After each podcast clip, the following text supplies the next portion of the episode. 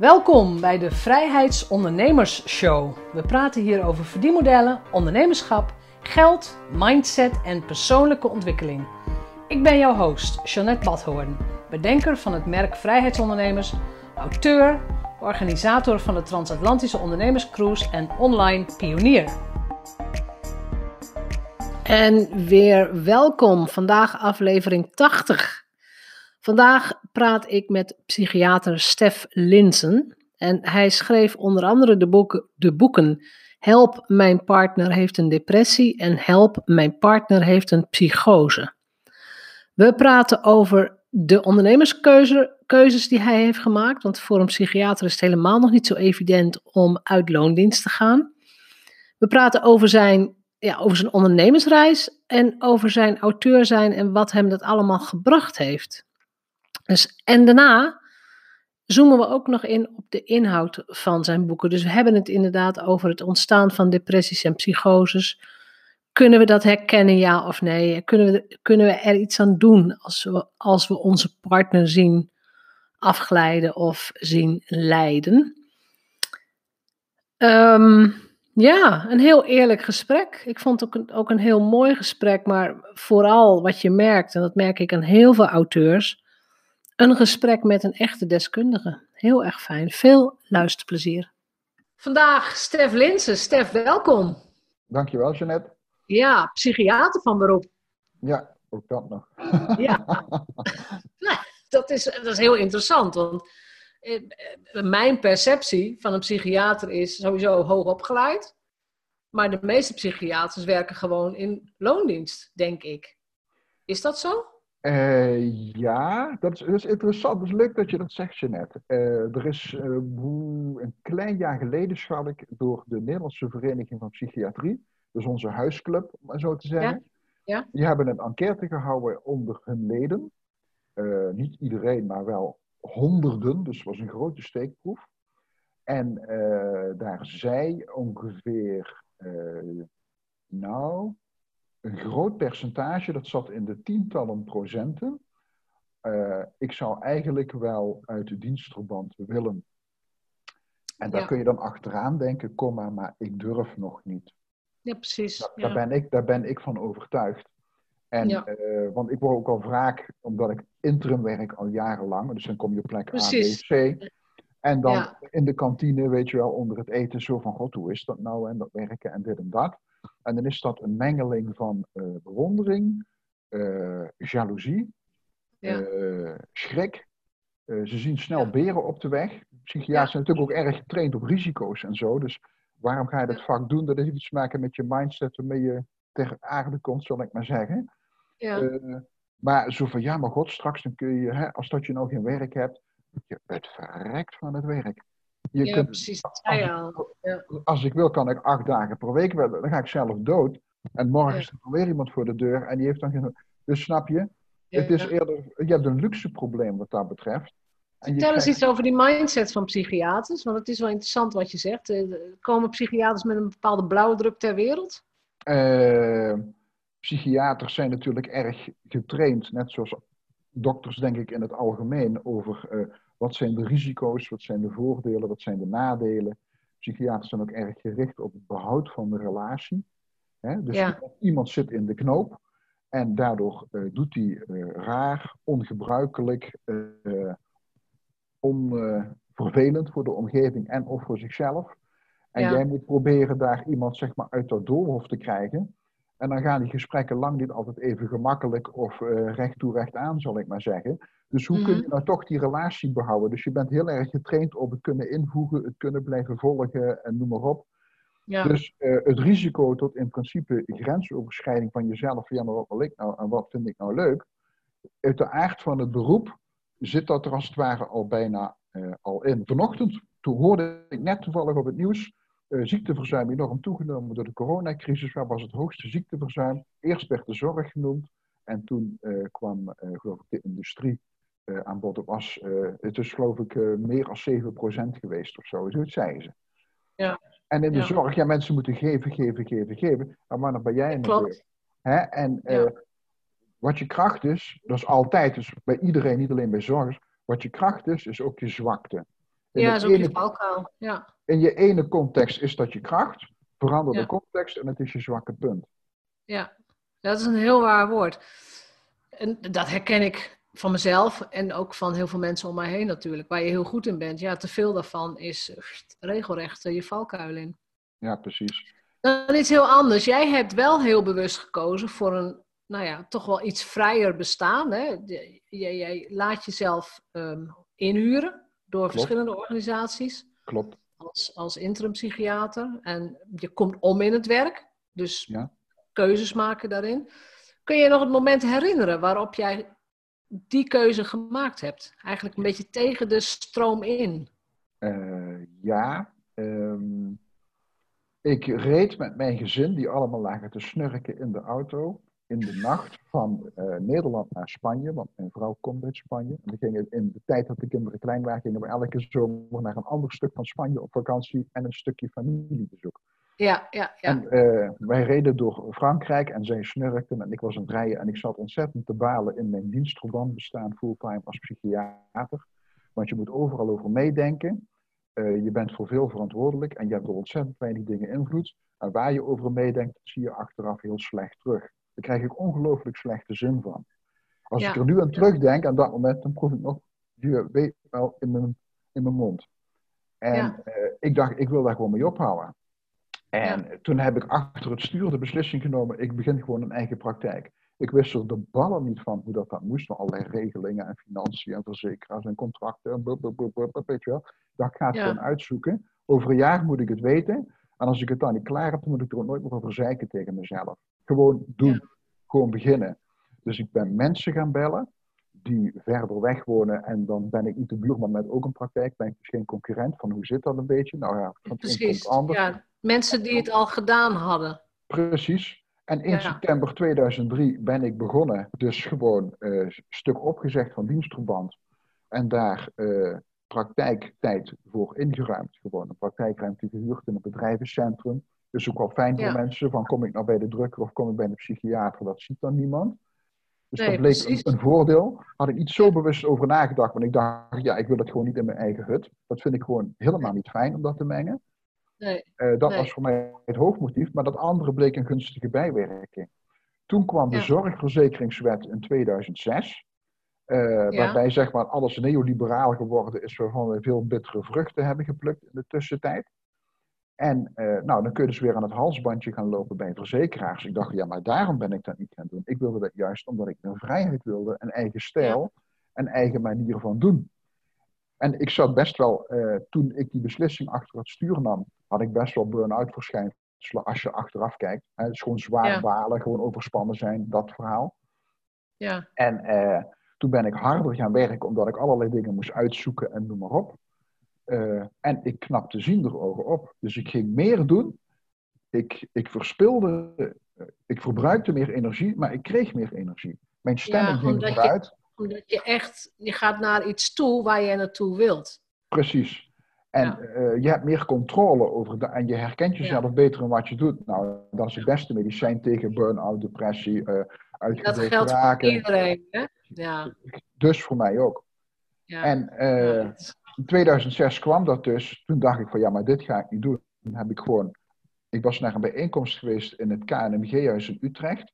Daar stond zo'n ja. vrouw in zo'n mooi mantelpakje van de Nederlandse Zorgautoriteit. En die stond het allemaal te vertellen. Ik was met ja. de trein. En de trein rolde binnen bij station Arnhem. En toen dacht ik van ik kap er ook mee, ik ga het gewoon helemaal niet doen. En drie maanden later was mijn praktijk dicht. I killed my own baby. En daar had ik helemaal geen ja. probleem bij. En toen nee. dacht ik, nou ga ik dus uh, interim werk doen. Nou ja, goed, dat zoek je dan even uit hoe dat, dat gaat. Ja. En dat bleek een onverwacht voordeel. Ik ging minder uren werken en ik ging meer verdienen. En je hoeft niet meer naar vervelende vergaderingen of mee te denken in andere commissies. Of tenminste, dat exact. ik heb ook prima gewerkt. Ik vond het allemaal prima. Exact. Ja. Dus je bent van heel, ik noem het altijd meuk. Daar ja. ben je dan gewoon vanaf. Hè? Ja. Daar ben je gewoon vanaf. Want je wordt, gaat doen waarvoor je bent opgeleid. Gewoon de kern, daar ga je echt mee bezighouden. En de rest, oké, okay, dat schenkt je ze. Precies. Je doet, je, precies, je doet waartoe je bent opgeleid. Ja. Dus uiteindelijk heb nou, dat heeft dan een jaar of drie, vier geduurd, hè, waarin jij een vorm hebt gevonden, oké, okay, zo, zo kan ik mijn, mijn werk gewoon goed doen. Uh, ik praat met jou in het kader van de auteursmaand. Inmiddels heb je vier boeken op je naam. Ja. Uh, en, je, je, zei in het voorgesprek al, uh, ik, ben, ik, ik, ben, ik ben ook nog bezig met de vierde. Die moet nog ja, gepubliceerd worden. Ja, ja, ja. ja. die, die komt denk ik in september. Die komt in september. Ik weet, voor heel veel mensen, een boek schrijven is die enorme drempel. Van een boek, dat is iets groots. En de meeste auteurs kunnen zich nog heel goed het moment herinneren waarop ze besloten hebben, en nu ga ik een boek schrijven. Is dat bij jou ook zo? Kun je het nog herinneren? Ja, ja wij kennen elkaar ook van Open Circles, hè? Ja, ja, ja. ja, ja, de academie van uh, Nissan Benita. En daar ben ik uh, terechtgekomen via uh, mijn broer. Die was daar wat eerder naartoe gegaan. Een paar maanden eerder. En die stuurde mij op een gegeven moment een mail met de titel... Ben ik door de bliksem getroffen? Vraagteken is natuurlijk een, een, een, een, rare titel, dus dat lees je wel zoiets. En zo kwam Ja, ja, ja, het valt op. Ja, ja en uh, nou, zodoende ben ik op 6 juli 2012 naar zo'n uh, intro-bijeenkomst uh, van Open Circles geweest. Dus, nou, dus zo'n bootcamp? Ja, precies, zo'n bootcamp. Zo'n business bootcamp. En zo'n heel, business bootcamp, En toen ben ik dus, ja, ik denk in twee jaar tijd heb ik heel veel cursussen gedaan daar. Ja. Uh, tot zo'n beetje eind 2014. Uh, ja. En daarna ben ik nog na een paar dagen geweest, een paar keer daarna. Ja. En ik was daar geloof ik de tweede keer. En toen hadden we pauze na de eerste ochtendsessie. En ik stond op uit de stoel. En op het moment dat ik opstond, zonk het idee, de ingeving in mijn kop. Ik moet gaan schrijven voor partners van psychiatrische patiënten, want dat is het gouden markt die, worden, die hangen er altijd voor Jan Snot hangen die erbij. Dat moet ik gaan doen. Daar is een niche. Daar heb ik het besloten. Dat is interessant, ja. Dat is eigenlijk een soort. Um, dat is totaal niet bewust opgezocht. Het, het, ging misschien over. Vind je niche? Ik weet het niet. Ja, uh, zoiets. Hè? Zo van, ja. ja uh, van je markt en je aandeel uitbouwen. Weet je wel, die verhalen ja. die jij daarover vertelde. Van, ja, er zit, er zit gewoon ook een systeem in. Hè? Je moet doen wat je leuk vindt. Je moet doen wat je goed kunt waar je deskundig in bent. En dan moet je informatie zoeken en dan moet je uitproberen en dan, nou ja, et cetera. Nou, en zo uh, via de rechterhemisfeer is dat geschakeld en vloep, toen viel het kwartje toen ik naar de koffie ging. En, toen daar, en dan krijg je zo'n warm gevoel in je buik, hè, bij je plexus solaris. En dan denk je van ja, dit is gewoon waar. Nou, ja, spannend en we gaan het toch doen. Ja, ja, ja precies. En uh, nou, ik heb in november 2014 mijn eerste boek uh, gepubliceerd. Heb ik uitgegeven via Expertboek. Hè? Daisy Gordijn, jou wel bekend. Ja, ja, ja, die is ook al in de serie geweest. Ja. Nou, en dat uh, boek dat heet Help mijn partner heeft een depressie. Ja. In 2016 heb ik Help mijn partner heeft een psychose gemaakt. Ja. afgelopen oktober was het, heb ik met een co-auteur, Rachel Jansen, een GGZ-agoog, die mij benaderde uh, hebben we een werkboek geschreven voor partners van psychotische mensen. Een lotgenoten werkboek uh, in een kleine groep van zes à zeven bijeenkomsten. Om te praten waar zij het moeilijk mee hebben en wat ze kunnen doen om het beter te hanteren. Ja. En dat boek is goed ontvangen. Dat werkboek, dat heb ik al begrepen van sociaal-psychiatrische verpleegkundigen. Die hebben proef gedraaid, een andere instelling.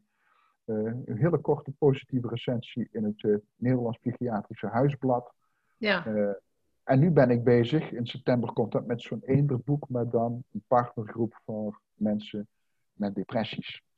Dat ze ja. dus ook lotgenoten Precies, de doelgroep is inderdaad, de doelgroep blijft steeds hetzelfde, hè, voor partners van mensen die een depressie of een psychose hebben. Ja. Maar je zei ook, heel, jij zei ook iets heel belangrijks, hè? Uh, je had die twee boeken al gepubliceerd en toen werd jij benaderd door iemand anders om een, een werkboek te maken in dit geval. Ja, dat klopt. Ja, dat betekent dat je dus met die twee boeken echt jouw expertpositie gepakt hebt. Ja, kennelijk wel. En uh, dat heeft er ook mee te maken dat een tijd geleden, in 2018, uh, eh, was er een congresbureau. En die benaderde mij of ik iets wilde vertellen op een congres over rouw, wat zij organiseerden. Of ik iets wilde zeggen over rouw bij psychische aandoeningen. Of oh, dat nou gaat over, over, partners of uh, de leider met lange ei zelf. Uh, en dat heb mhm. ik dus gedaan. Nou, die kregen de smaak te pakken. Dus gisteren uh, heb ik hier thuis zelf opgenomen mijn e-congres webinar bijdrage vanwege de corona. Over het congres wat 4 juli, 4 juni zal zijn over uh, vechtscheidingen en psychiatrie. Ja. 28 eh, mei komt de e-versie van het congres, wat was het ook alweer? Uh, over psychiatrie en ontangsten, psychiatrie en maatschappij. Ja. Nou, en ik ga nog, dus de LVB en psychiatrie heb ik bij Dus ik word daar zo'n beetje een huisspreker als ik niet uitkijk. Ja, precies, maar dat betekent dat je dus gewoon steeds weer herkend wordt en erkend wordt als de expert op dit gebied. Ja, precies. Dus een, het werk, je moet gewoon rustig doorwerken. Ik heb ook video's gemaakt, hè, de psychiaterprater, zo heb ik het genoemd. Ja. Allitereert leuk. Kunnen mensen onder die titel vinden op YouTube. En dan heb ik ook ja. Capita Selecta uit die twee boeken van Help een partner heeft een depressie of psychose. Daar heb ik gewoon themaatjes, heb ik gewoon in filmpjes bij elkaar gezet. Professionele ja. filmer in huis gehaald. Allemaal dezelfde in- en uitro. En dan ga ik gewoon over, over suicidaliteit of psychofarmaca of over het belang van sociale steun of wat is nou het verschil uh, tussen manisch depressief en depressie. Dat soort zaken, dat bespreek ik. Is meer dan twee uur uh, talking head van mij. Ja. Allemaal geknipt. En dan kunnen mensen dus, ook als dat ze laag geletterd zijn, kunnen ze toch gratis zijn voor niks ook op eerste paarsdag om drie uur s morgens. kunnen ze 24 keer bekijken als dat ze dat willen. Want het staat op YouTube. Nou weet ik, nou ken ik vrij veel medisch specialisten. Hm? Die zijn niet zo um, social media-achtig. Nee, dat klopt. En als je bedenkt dat ik psychiater ben en ook nog een 60-plusser ben, ben ik eigenlijk heel modern. Dat bedoel ik. Dus wat maakt, wat zit er in, jou, in jouw karakter of in, jou, in jouw aard, dat je zegt, ik ga dit gewoon doen? Want, nou ja, schijnbaar vind ik het maar wat, wat zit er in jou dat je dat doet? Ik heb altijd heel veel variatiehonger gehad. Je kunt ook zeggen uh, nieuwsgierig. Ik wil graag dingen weten. Uh, ik vond het ook heel moeilijk om in de tijd een studie te kiezen, want ik vond eigenlijk heel veel of het nou psychologie was of astronomie. Astronomie was een enorm grote hobby voor mij vroeger, was de grote hobby die ik had. Maar ik ben veel te slecht in wiskunde om dat te kunnen. Ik bedoel, dat was echt onrealistisch. Ja. Uh, nou ja, dat. Dus moet ik naar psychologie, sociologie en toen dacht ik, ja, geneeskunde. Uh, daar komt eigenlijk alles een beetje bij elkaar. Ja, astronomie dan wat minder natuurlijk. Maar uh, het is biologisch, het is psychologisch en het is sociaal. En dan kun je kiezen. En uiteindelijk heb ik dan uh, voor psychiater uh, gekozen. Omdat je dan toch heel veel verschillende invalshoeken hebt. Maar ik heb ook altijd in dat werk, heb ik ook toen ik in dienstverband werk, heb ik altijd minimaal twee en vaak zelfs drie werkplekken gecombineerd. En als ik alleen maar één kunstje, om zo gezegd, moet doen, ja, na vier maanden begin ik me te vervelen. Ja, precies, past niet bij jou. Maar het feit dat je met je hoofd op YouTube gaat, um, dat doe je niet alleen maar voor jezelf, lijkt mij. Nee, ik denk dat het belangrijk is om veel van die dingen te horen. En ook zeg maar voor partners, maar ook voor andere naasten in het algemeen, ook voor mensen zelf. Waarin je gewoon in eenvoudige taal uh, moeilijke dingen uh, uitlegt. En er zijn natuurlijk wel meer uh, informatie daarover. Voor psychosenet, in Nederland is een heel groot uh, medium, wat ook echt goed is en opgezet is uh, vanuit Jim van Os. En ja. zo zijn er ook wat patiëntenverenigingen en die doen dan goede dingen, maar ik wilde het gewoon wat meer hebben over de partners en niet alleen puur over de ziekte. En Psychosenet is ook zeg maar na 2014 begonnen, maar dat zijn dan dingen die op, ik heb daar ook wel eens zeg maar wat interview gegeven en dat soort zaken. Of ja, een, een, gastblog geschreven, dat soort zaken. Net zoals ja. voor patiëntenvereniging ook wel eens een lezing gegeven op zo'n landelijke familiedag. Uh, dat soort zaken. Dus dat kan ook allemaal uh, vervlechten. Maar het is belangrijk. En natuurlijk kan iemand iets vertellen. Bijvoorbeeld, er zijn ook mensen die zeggen van ja, ik ben hersteld. Uh, mij is het zo en zo gegaan. Er is hoop, bij wijze van spreken.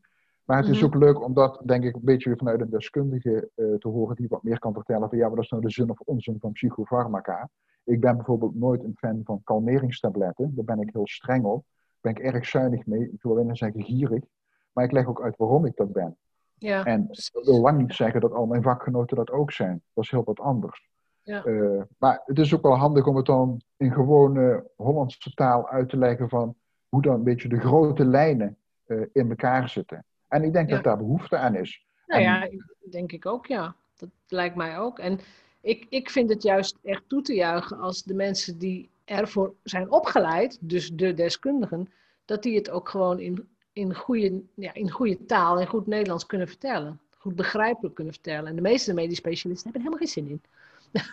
dus, nee, uh, nee, die ja, niet van social media. Nee, dat klopt. Uh, ik zou maar zeggen, uh, Jip en Janneke taal, dat is belangrijk. Uh, want Jip en Janneke taal, dat is wat mensen in ieder geval wel onthouden. Snap je? En je moet niet liegen. En een hele hoop dingen uh, die zijn uh, ja, tot drie cijfers achter de komma, wetenschappelijk bewijs. nou ja, als, als dat je dat is criterium, dan kun je bijna niks op een gegeven moment zeggen. Dus het gaat erom dat je de grootste gemene deler met een hele pragmatische insteek dat je dat vertelt. En naar mijn idee ben ik er met die boeken heel aardig in geslaagd om dat te doen. Het leuke was ook bij die boeken dat op een gegeven moment een farmaceut mij benaderde, want die had, die had lucht gekregen via een artsenbezoeker dat ik daarmee bezig was.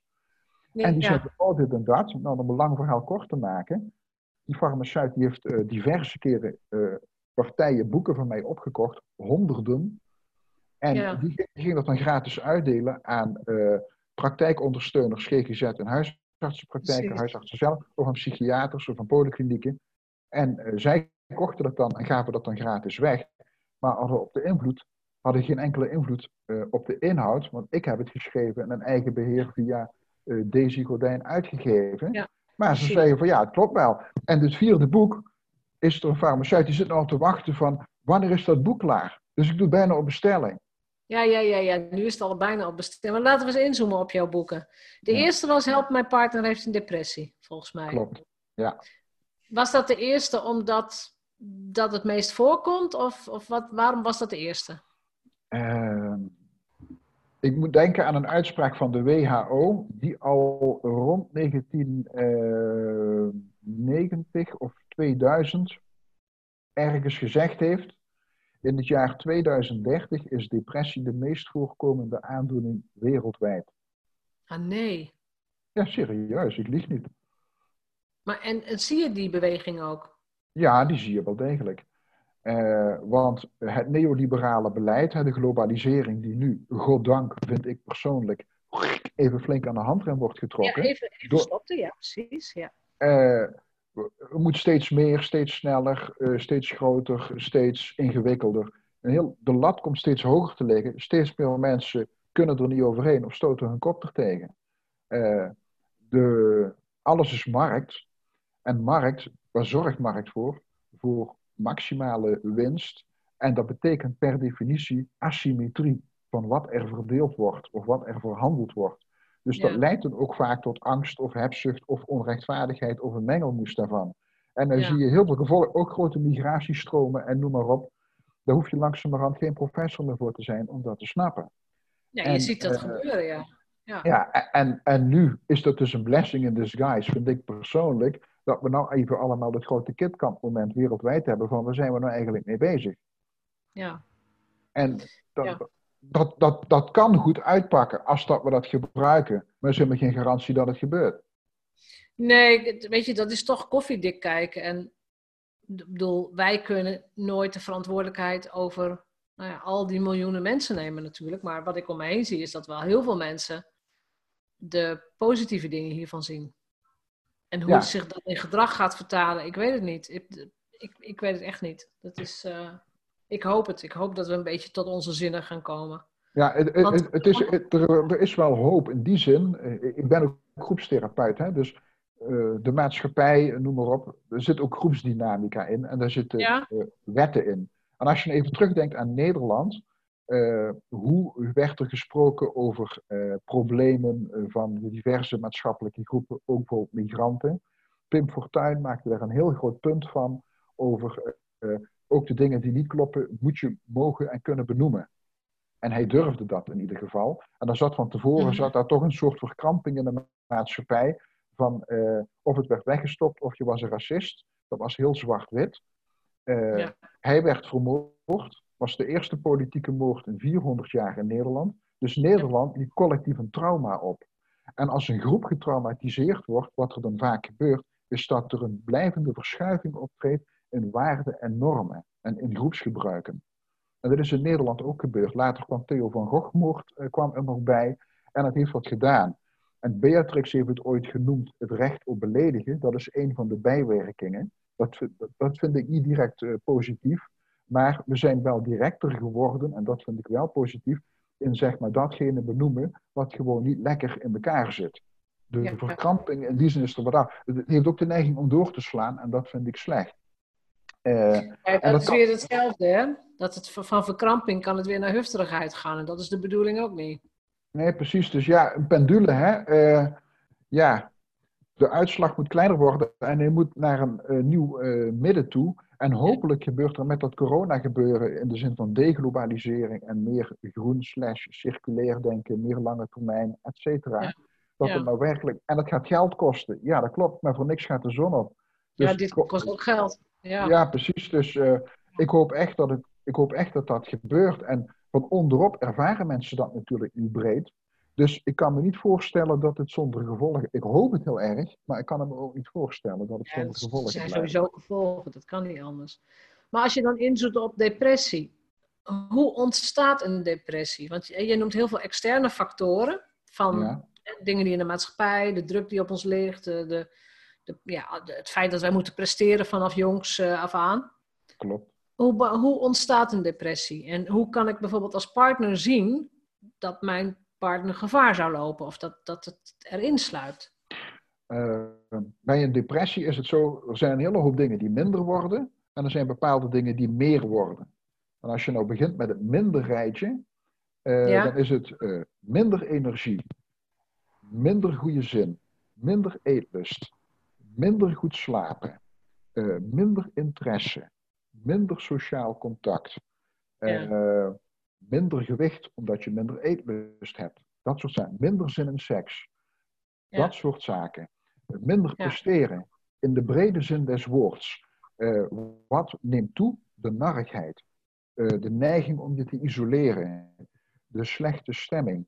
Gedachten over was ik maar dood. Als ik vannacht een hartaanval krijg, vind ik het al lang best. Het ideëren van de dood. Als het zwaarder wordt. En dat hmm. kan, dat kan meer actieve vormen aannemen richting suicidaliteit. Van wat zal ik dus doen als? Of hoe zou het zijn om bij die spoorwegovergang eronder te duiken? En dan krijg je dat gedimd dan van binnen zo van ja, maar wat moet er dan met Marie als ik dat doe? En een hmm. kunnen mensen in een tunnelvisus terechtkomen van ja, het, is, het was niks, het is niks en er wordt ook niks. Ik ben een last voor de wereld of voor Marie of voor de buurman. Of ik, hmm. ik heb ook nooit wat gepresteerd. Dat allemaal negatief dat hele pessimistische, dat wordt dan opgeblazen van binnen. En het positieve wordt uh, selectief van tafel geveegd of gebagatelliseerd. Ja. En er zitten ook allerlei biochemische veranderingen in het lichaam. En het grijpt natuurlijk allemaal in elkaar. Ja. En je hebt een zekere biologische kwetsbaarheid daarvoor. En die varieert. En uh, die zit heel ingewikkeld en multifactorieel in elkaar. Je kunt die mhm. kwetsbaarheid weinig hebben of veel. En daar word je dan mee geboren. Ja. En dan komen er te aan tegenslagen. Nou ja, goed. En dan kan één en één uh, eerder of later twee worden. Kun je, dat, eh, kun je dat al voorspellen als, als iemand bijvoorbeeld tussen de 10 en de 20 is, van oh, die is later veel gevoeliger voor depressies? Uh, dat is lastig. Er, er, zijn een paar vuistregels, maar dat is helemaal geen één op één garantie. Hm dus ook uit onderzoek gebleken, bijvoorbeeld eh, als dat je twee ouders hebt die allebei de diagnose schizofrenie hebben, mhm. dan is maar 10% van hun kinderen krijgt later ook die diagnose. 90, 90% dus niet. Nee, dat, wil niet. dat wil niet zeggen dat die allemaal dolgelukkig worden. Die hebben vaak allerlei problemen. Die hebben vaak wel grote kans op bijvoorbeeld uh, depressiviteit of relatiemoeilijkheden of verslaving of noem maar op. Maar er is ook iets om te zeggen, ja, dat is met 100%, hè, die liggen dus straks allemaal in de goot. Dat is populistisch geklets, wat nergens op slaat. Je ziet vaak wel dat kopkinderen, kinderen van ouderen met psychiatrische problemen, die lopen vaak wel veel meer kans uh, op problemen. Dus je moet daar wel meer rekken en erbij blijven. En dan kunnen ze ook op anticiperen uh, dat ze later niet in de kreukels komen of serieus in de kreukels komen.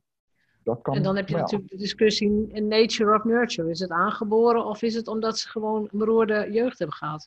Ja, het, het grijpt in elkaar. Ja. Uh, en dat is ook bijna niet met elkaar te trekken. Het mooie is dat we tegenwoordig met allerlei MRI-onderzoeken, noem maar op, hè, kun je in het levende lijf kijken. Je doet wat met een lijf en je kunt zien wat het effect is terwijl je voor het apparaat zit. En als dat je nou mensen hebt die knetterdepressief zijn, dan kun je een hersenfoto van maken. En hoe snel uh, gebruiken diverse hersendelen uh, suiker? Hoe snel, hoe actief zijn ze dus? Want suiker is de brandstof van de hersenen. Ja. En dan zie je bepaalde delen die zijn achteruit gegaan in functie. Die zijn ook letterlijk gekrompen en passiever. Dan ga ik die mensen behandelen. En later laat ik weer een radioloog kijken na de behandeling bij diezelfde mensen weer zo'n hersenfoto maken. En die radioloog die weet er niks van. Hebben ze nou alleen maar pillen gehad? En af en toe een beetje praten met een uh, verpleegkundige? Of hebben ze echt psychotherapie gehad zonder pillen? Het blijkt, maakt niet uit wat je ze geeft, ze verbeteren allebei op die hersenfoto en qua stofwisseling. En die radioloog kan niet meer zien, die heeft pillen gehad en die heeft psychotherapie gehad. Met andere woorden, psychotherapie verandert echt dingen in je hersenen, in je cellen en moleculair. Dus het grijpt echt in elkaar. Dus die vraag van of, is gewoon een foute vraag. Het is altijd en. En we komen er steeds meer achter hoe dat precies qua tandwieltjes, hoe dat precies in elkaar grijpt. Dat wordt steeds de, maar er zijn, wij spreken over honderdduizend factoren die daar invloed op hebben. Dus je kunt niet zeggen, Truusje is kwetsbaar voor psychose, dan draai ik aan dat schroefje en is het probleem opgelost. Dat is dus heel ingewikkeld, want er zijn heel veel schroefjes die daaraan bijdragen. En dat maakt het in die zin ingewikkeld. En het blijkt wat ze vroeger, uh, zeg maar, uh, hadden ze het over gezondheidsvoorlichting en opvoeding. En uh, zeg maar algemene sociale maatregelen voor gezonde leefwijze. Dat blijkt dus heel goed om hart- en vaatziekten, suiker te voorkomen, maar ook psychische aandoeningen psychische dus aandoeningen. Je bedoelt dan de, de rust, reinheid, regel, regelmaat, dat soort dingen? Ja, precies. En uh, de schijf van vijf eten en sporten en uh, weinig alcohol en niet roken. Dat is dus uh, voor alles goed. Want mensen met psychiatrische aandoeningen, die lopen een veel grotere kans op hart- en vaatziekten en suikerziekte. En niet alleen maar door de pillen die ze eventueel krijgen, maar gewoon puur door de ziekte zelf. Ja. Het is zelfs bewezen in Maastricht al jaren geleden dat depressie, dat heet dan statistisch een onafhankelijke risicofactor is, van een factor 4 groot. Als je ooit depressief bent geweest in je leven, dan is de kans op een hart- en vaatziekte ooit in je leven met een factor 4 gestegen. Al rook jij niet, al drink jij nooit whisky, al ga je toch wandelen, bla bla bla bla. Ja. En hart- en vaatziekte en suikerziekte bevorderen weer de kans op psychische problemen. Dus het grijpt allemaal in elkaar. Dus het zogenaamde onderscheid tussen lichamelijk en geestelijk, dat is allemaal crap. Ik ben heel blij dat je dat zegt. Want ik heb het idee dat, dat men daar in elk geval steeds meer achter komt. En met men bedoel ik dan medisch specialisten en mensen die, uh, nou, die zo'n stukje van het menselijk lichaam uh, behandelen. Ja, nou ik denk dat heel veel medisch specialisten dat best wel weten, want die, zullen, die weten er allemaal als ik dit vertel. Uh, maar gewoon in de volksmond, hè, zo van ja, ik ben last van mijn maag en dit en dat. En nou ja, goed, behandeling zus, behandeling zo. En bij de radioloog geweest en foto's van de maag. Uh, nou, het zal wel tussen je oren zitten, weet je wel. Je moet ermee leren leven of ga maar naar de psycholoog. Nou, heeft die psycholoog al een fantastische startpositie. Dat gebeurt nog heel veel op straat. Ja. Snap je? Dus in de cultuur zit nog heel erg, ik zou bijna zeggen, dat domme onderscheid van of dit of dat. Het is ja. gewoon allebei. En uh, hoe je dat doorbreekt, als je een aandoening, het maakt echt helemaal geen zak uit welke aandoening, als je die goed wil behandelen, ook voor later preventie, dan kun je de leefwijze niet buiten beschouwing laten. Biologisch, psychologisch en sociaal. Dan moet je dus aan de bak ook. En niet zo van, daar zit een dokter en die doet een trucje à la Harry Potter en dan ben ik er vanaf en dan ga ik thuis weer uh, doen wat ik altijd deed. Ja, want jij zei leefwijze, dat gaat dus gaat dus ook heel erg om, om geestelijke stabiliteit, om geluk, om ja. uh, het ervaren van controle. Tenminste, dat is bij mij heel belangrijk. Als ik maar gewoon lekker kan bepalen wat ik doe, en dan natuurlijk binnen de grenzen van alles en iedereen, hè, gezin en de wet ja. enzovoort. Maar als ik lekker op dreef ben, ik heb nooit wat. Dat is uh, helemaal fijn. Nee, dat klopt, maar je moet ook je keuzes maken. Want je kunt, ja. als, je, als je kiest, dan verlies je. Ja, ik kan ja. niet en aardappelpuree en een haring met hagelslag en een slagroomijsje tegelijk eten. Dat kan niet. Nee, dit klinkt ook al wel heel vies. ja, ik hou graag van plastische taal, snap je? ja. En ja. Dus, maar dat, uh, het verdragen, en dat vind ik wel een ding van de tijdgeest. En ik hoop dat dat een gunstige bijwerking wordt van de corona. Alles moet kunnen, alles gaat vlot. Uh, het, 5, het 5G, het 5G-schema noem ik het vaak. Hè? Geld, gemak, gezondheid, uh, geluk en garantie. Ja. Klinkt leuk, maar bestaat niet. En dan komen we keihard achter. Uh, wat je zaait, dat ga je waarschijnlijk oogsten. Wat je niet zaait, de kans dat je dat oogst is veel kleiner. Ja. En ik merk inderdaad ook die instant gratification heel erg. Hè? Dat mensen ook vinden dat ze het nu moeten hebben. En um, de, nou ja, die ontevreden mensen in de maatschappij, van, omdat ze niet naar de kappen kunnen. Omdat, weet je, het, dat is gewoon zo. Ja. Er is natuurlijk nu een hele generatie, en ik ben zelf ook van de generatie, ik heb alleen maar meewind gehad, absoluut. Maar een hele grote generatie die nog nooit een tegenslag heeft gehad. Nee, nou, nooit. Dan hebben ze nu een grote leerschool, want ze kunnen dat wel vinden, maar uh, het gebeurt toch niet. Dus ze, ze, zullen het moeten leren verdragen. Daar zul je dus echt mee moeten leren leven. En ik vind dat ook cultureel gezien, vind ik dat meer een verrijking. Dat je, want ja, dat is heel simpel. Vroeger gingen mensen dood, paardenbloemen ook. En dat is nog steeds zo. Ja. Ja, ik vind het wel mooi dat je dat zegt. Van, uh, je moet het leren verdragen. Als, kun je dat ook naar, naar want hè, ik weet dat de meeste mensen die luisteren zijn zelfstandig ondernemer. Kun je dat ook naar het ondernemerschap vertalen? Uh, ja, je moet onzekerheid kunnen verdragen, natuurlijk. Ja. Je had een opdracht en dat loopt fout, of je vindt er niks aan en je kapt ermee. Ja, dan heb je dus ja. de maand daarna heb je minder inkomen. Ja. Nou, dan moet je wat anders zoeken. En dan moet je dus van tevoren ook zorgen dat je voldoende spaargeld hebt. Dat je niet meteen uh, op een houtje zit te bijten. Dan moet je dus een zekere discipline uh, voor een acht nemen. En dat je zegt van nou, ik heb in ieder geval uh, dat je je nulnorm qua spaargeld, zal ik maar zeggen, dat je die dus hoger zet. Nul is niet nul, maar nul is bijvoorbeeld 10.000 euro. Ik zeg maar wat, dan kun je altijd nog een paar maanden een boterham kopen. Al heb je allemaal ja, gewerkt.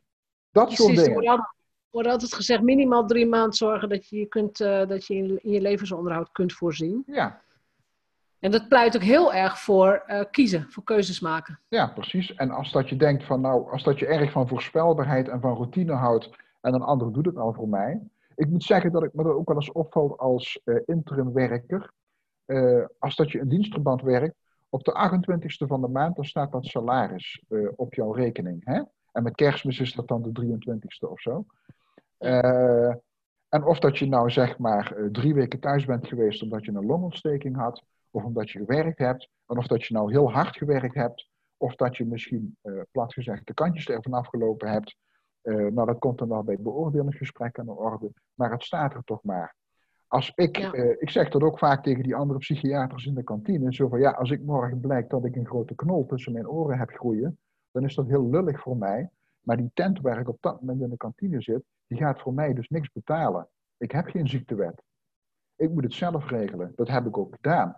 Dus ik weet precies van alles wat ik verdien. Dan kunnen mensen zeggen, oh, dat is best veel. Dan zeg ik, ja, weet je wat er allemaal afgaat? en de belasting en nog een belasting en de pensioen en de beroepsaansprakelijkheid en de rechtsbijstand. Uh, tat, tat, tat, tat, Dus de helft is sowieso weg. Snap je? Dus zo rijk word je er ook niet van. Uh, daarvoor hoef je niet te doen. Als dat je rijk wil worden, moet je sowieso niet in de gezondheidszorg gaan werken over het algemeen. Nee. Dan, moet je gewoon, dan moet je naar Wall Street. Ja, maar van rijk worden, dat is ook al lang uh, duidelijk. Um, maakt geld gelukkig, ja, tot op zeker niveau. Maar uiteindelijk vlakt dat af. Uiteindelijk word je veel gelukkiger van heel veel andere dingen. Ja, klopt. Dus, klopt wat, je, ja, wat jij ook doet, hè, van jezelf ontwikkelen of op reis gaan. Weet je, ja. ja. Ik, ik meen dat ik ergens ooit gelezen heb dat het optimum van verdienen en geluksgevoel, dat het ergens rond de 60 of 70.000 euro bruto per jaar was. Ja, ja, het is iets meer dan modaal. Ja. Maar niet eens veel hoger. Nee, klopt. Klopt. En daarna vlakt het af. En um, en er is zelfs ook zo, als je echt heel veel geld hebt, uh, stel dat je heel veel geld hebt georven, hm. dat heel veel geld ook een hele grote last is. Ja, kom al die mensen aan de deur, kun je geven? Ja, maar dat moet ook beheerd. En dat is een familiekapitaal. En dat, weet je, daar moet ook naar omgekeken worden. Dus dat is ook niet zo halleluja. En uh, goh, ik heb een paar miljoen op de bank, wat fijn. Nee, dat moet ook allemaal keurig. En uh, dat, dat, dat, is ook, ook een zorg, ook een last. Ja, en, dat klopt. Als je, als je die paar miljoen niet hebt, dan denk je, geef ze maar aan mij. maar goed, als je ze wel hebt, dan denk je, ik moet er goed voor zorgen. Ja, dat klopt. Jouw tweede boek is Psychose. Ja. Heeft dat dezelfde soorten kenmerken als dezelfde soort aanlooproute of is dat iets anders? Uh, de variatie bij psychose is groter dan bij depressie. Dus een psychoseboek. Uh, nou, je hebt meer verschijningsvormen daarvan, van psychose. Oké. Meer, verschillende uitingsvormen. En daarom, uh, ja, daarom is het boek ook dikker, om dat gewoon ook allemaal een beetje uitgelegd uh, te krijgen. Maar over het algemeen is het zo dat zeg maar, de kwetsbaarheid voor psychische aandoeningen maakt niet zo heel veel uit welke aandoening je het over hebt. Om het heel kort door de bocht te zeggen, en dat is niet grof gelogen, de overeenkomsten zijn groter dan de verschillen. Je hebt een zeker uh, genetisch complex, dat we nou uh, redelijk kunnen lokaliseren, verdeeld over verschillende chromosomen. Als je dit en dit en dit en dit en dit en dit en dit en dit kenmerk hebt, dan loop je meer kans op psychiatrische problemen in je leven. En dat kan dan hm. ofwel depressie worden, of misschien wel anorexia nervosa, of misschien wel schizofrenie, of misschien wel manisch-depressief, of misschien wel recidiverende psychotische depressie, uh, of enorme paniekstoornissen met sociale fobie of de neiging tot alcoholverslaving. Dat complex, dat lijkt. Dus je moet er als een hand, moet je het voorstellen. Dit is dat complex, hier bij mijn polste onderarm. En dat is een soort gemeenschappelijke stam. En dan gebeurt er hier in de handpalm gebeurt van alles. En dat is dan ook psychosociaal. Uh, opvoedingservaringen, opleiding, uh, waar je woont, uh, natuurrampen, wat kan een mens allemaal meemaken. En dan komt er dan heb je verschillende routes en dat zijn de verschillende vingers. Dat is ongeveer waar het op neerkomt. En moet er altijd, is er altijd een trigger? Vaak zijn de triggers meervoudig. En dat hoeft niet heel snel achter elkaar te gebeuren. Maar dat kan ook zijn de emmer. Er is altijd een druppel, een laatste druppel die de emmer doet overlopen. En gaat dat snel of gaat dat langzaam? Daar kan een enorme variatie in zitten. Als dat jij goed in je vel zit en je maakt een regelrecht rampjaar mee, waarbij vijf mensen die je naast staan doodgaan. Je gaat ook nog failliet, uh, de hut brandt je af en de buurman komt met een broodmes achter je aan, bij van spreken. Ja, dan zak je mhm. misschien wel door het ijs, want dan is wel een beetje heel erg veel stress. Mhm. Snap je? Mhm. Dat gebeurt. er zijn mensen die, die dat soort dingen gebeuren. Uh, maar het kan ook zijn van, nou, uh, vroeger thuis kreeg je koude piepers en warme sla. Je werd uitgescholden, je werd geslagen, misschien ook nog wel seksueel misbruikt. Uh, op school werd je gepest. Niemand keek naar je om. Je bent van nature niet zo heel erg slim. Dus in de winkel waar je als bediende ging werken, dan werd je ook een beetje als gekke behankie ja, te kijk gezet. Dan kies je een verkeerde partner. nou ja, dan is de fles op een gegeven moment je vriend. En snap je, en zo loopt de emmer vol en op een gegeven moment is het gewoon knak. Ja. En die verhalen die kom ik ook tegen. Ik bedoel, terwijl ik het vertel, zie ik mensen voor me, voor mijn geestesoog, waarvan ik weet, ja. dat is hun verhaal. Beide versies. Ja. Ja. Ja. Ja. Nou, eigenlijk, ja, eigenlijk is jouw pleidooi ook inderdaad van zorg goed voor jezelf, zorg ook goed voor de andere mensen om je heen. Ja. En um, ja, hou het eigenlijk ook zo lief mogelijk, lief mogelijk in de zin van iedereen weet pesten bijvoorbeeld is niet gezond. Maar ook online pesten, niet gezond. Dat gewoon niet doen. Maar ik heb zelf het idee, ja, de wereld is zo groot, er is maar zo'n klein stukje wat ik kan doen. Goed, dat moet ik dan maar doen. Weet je dat? Nee, en daar moet je dan ook je zin uithalen. Uh, en uh, zo van wat. Je kunt niet alles beïnvloeden, dat weet iedereen wel. Dus waarom moet je over alles druk maken? Uh, kijk, er is een hele hoop ellende in Syrië. Hè? Uh, Als wij nu in 1920 zouden leven, dan hadden we daar de ballen van afgeweten. Maar nu komt, het elke, nu komt het elke avond op de televisie. En uh, ja, ja, goed, het komt op het nieuws of weet ik veel wat. En dan moet je er dus al wat mee. Op dat moment, dan moet je al zeggen, intern, van ik trek me er niks van aan. Daar moet je al iets voor doen, wijze van spreken. Dus al die overload aan informatie, je wordt er stapelgek van. Ja. Dus wat dat betreft moet je ook beperkingen aanbrengen. Voor jezelf. Precies, ook kiezen voor uh, waar voed ik me wel mee. Uh, ook dat, maar ook van uh, in Syrië, daar kun je niks aan doen. Maar als dat je denkt van nou, de voedselbanken die krijgen veel meer klanten door de coronacrisis. En weet je wat, ik ga één zaterdag middag in de maand ga ik daar helpen om zeg maar tassen in te pakken. Nou, dan doe je wat goeds. En dan is het nog steeds moreel oké om op die andere zaterdagen, plat gezegd, je poten op tafel te leggen en gewoon de krant te lezen. Vind ik. Ja. Ja. Maar het principe van je hebt wat over voor een ander, of je probeert het goed te doen, of niet inhalig en aso te zijn. Noem het voor mijn part eh, de vijf zuilen van de islam of de tien geboden of het achtvoudige pad van Boeddha, want die zeggen in de kern allemaal hetzelfde. Ja, Eigenlijk is het gewoon dat. Want als jij zo doet en een ander doet zo tegen jou, dan voorkom je gewoon een hele hoop gekloot. Behalve natuurlijk. Ja.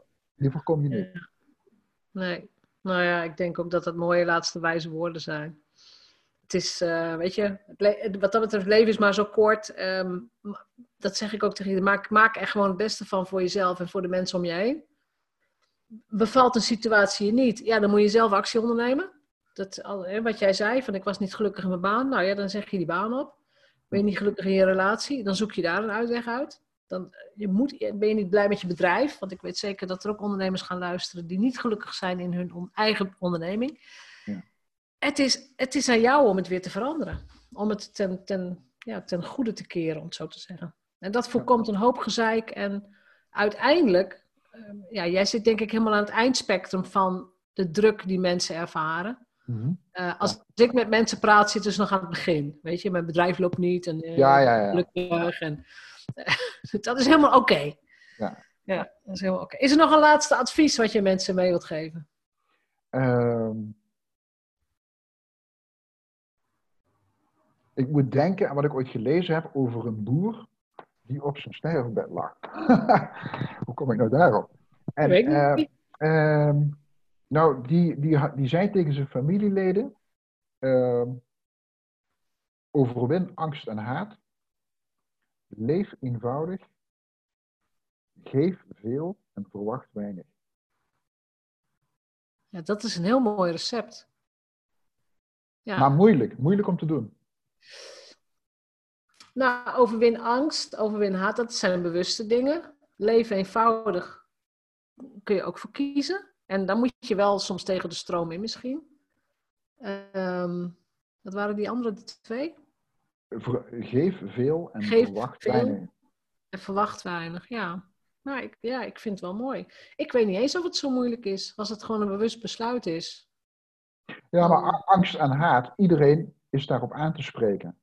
Bij iedereen kan iedereen... dat verwachten. En dat, dan, ja.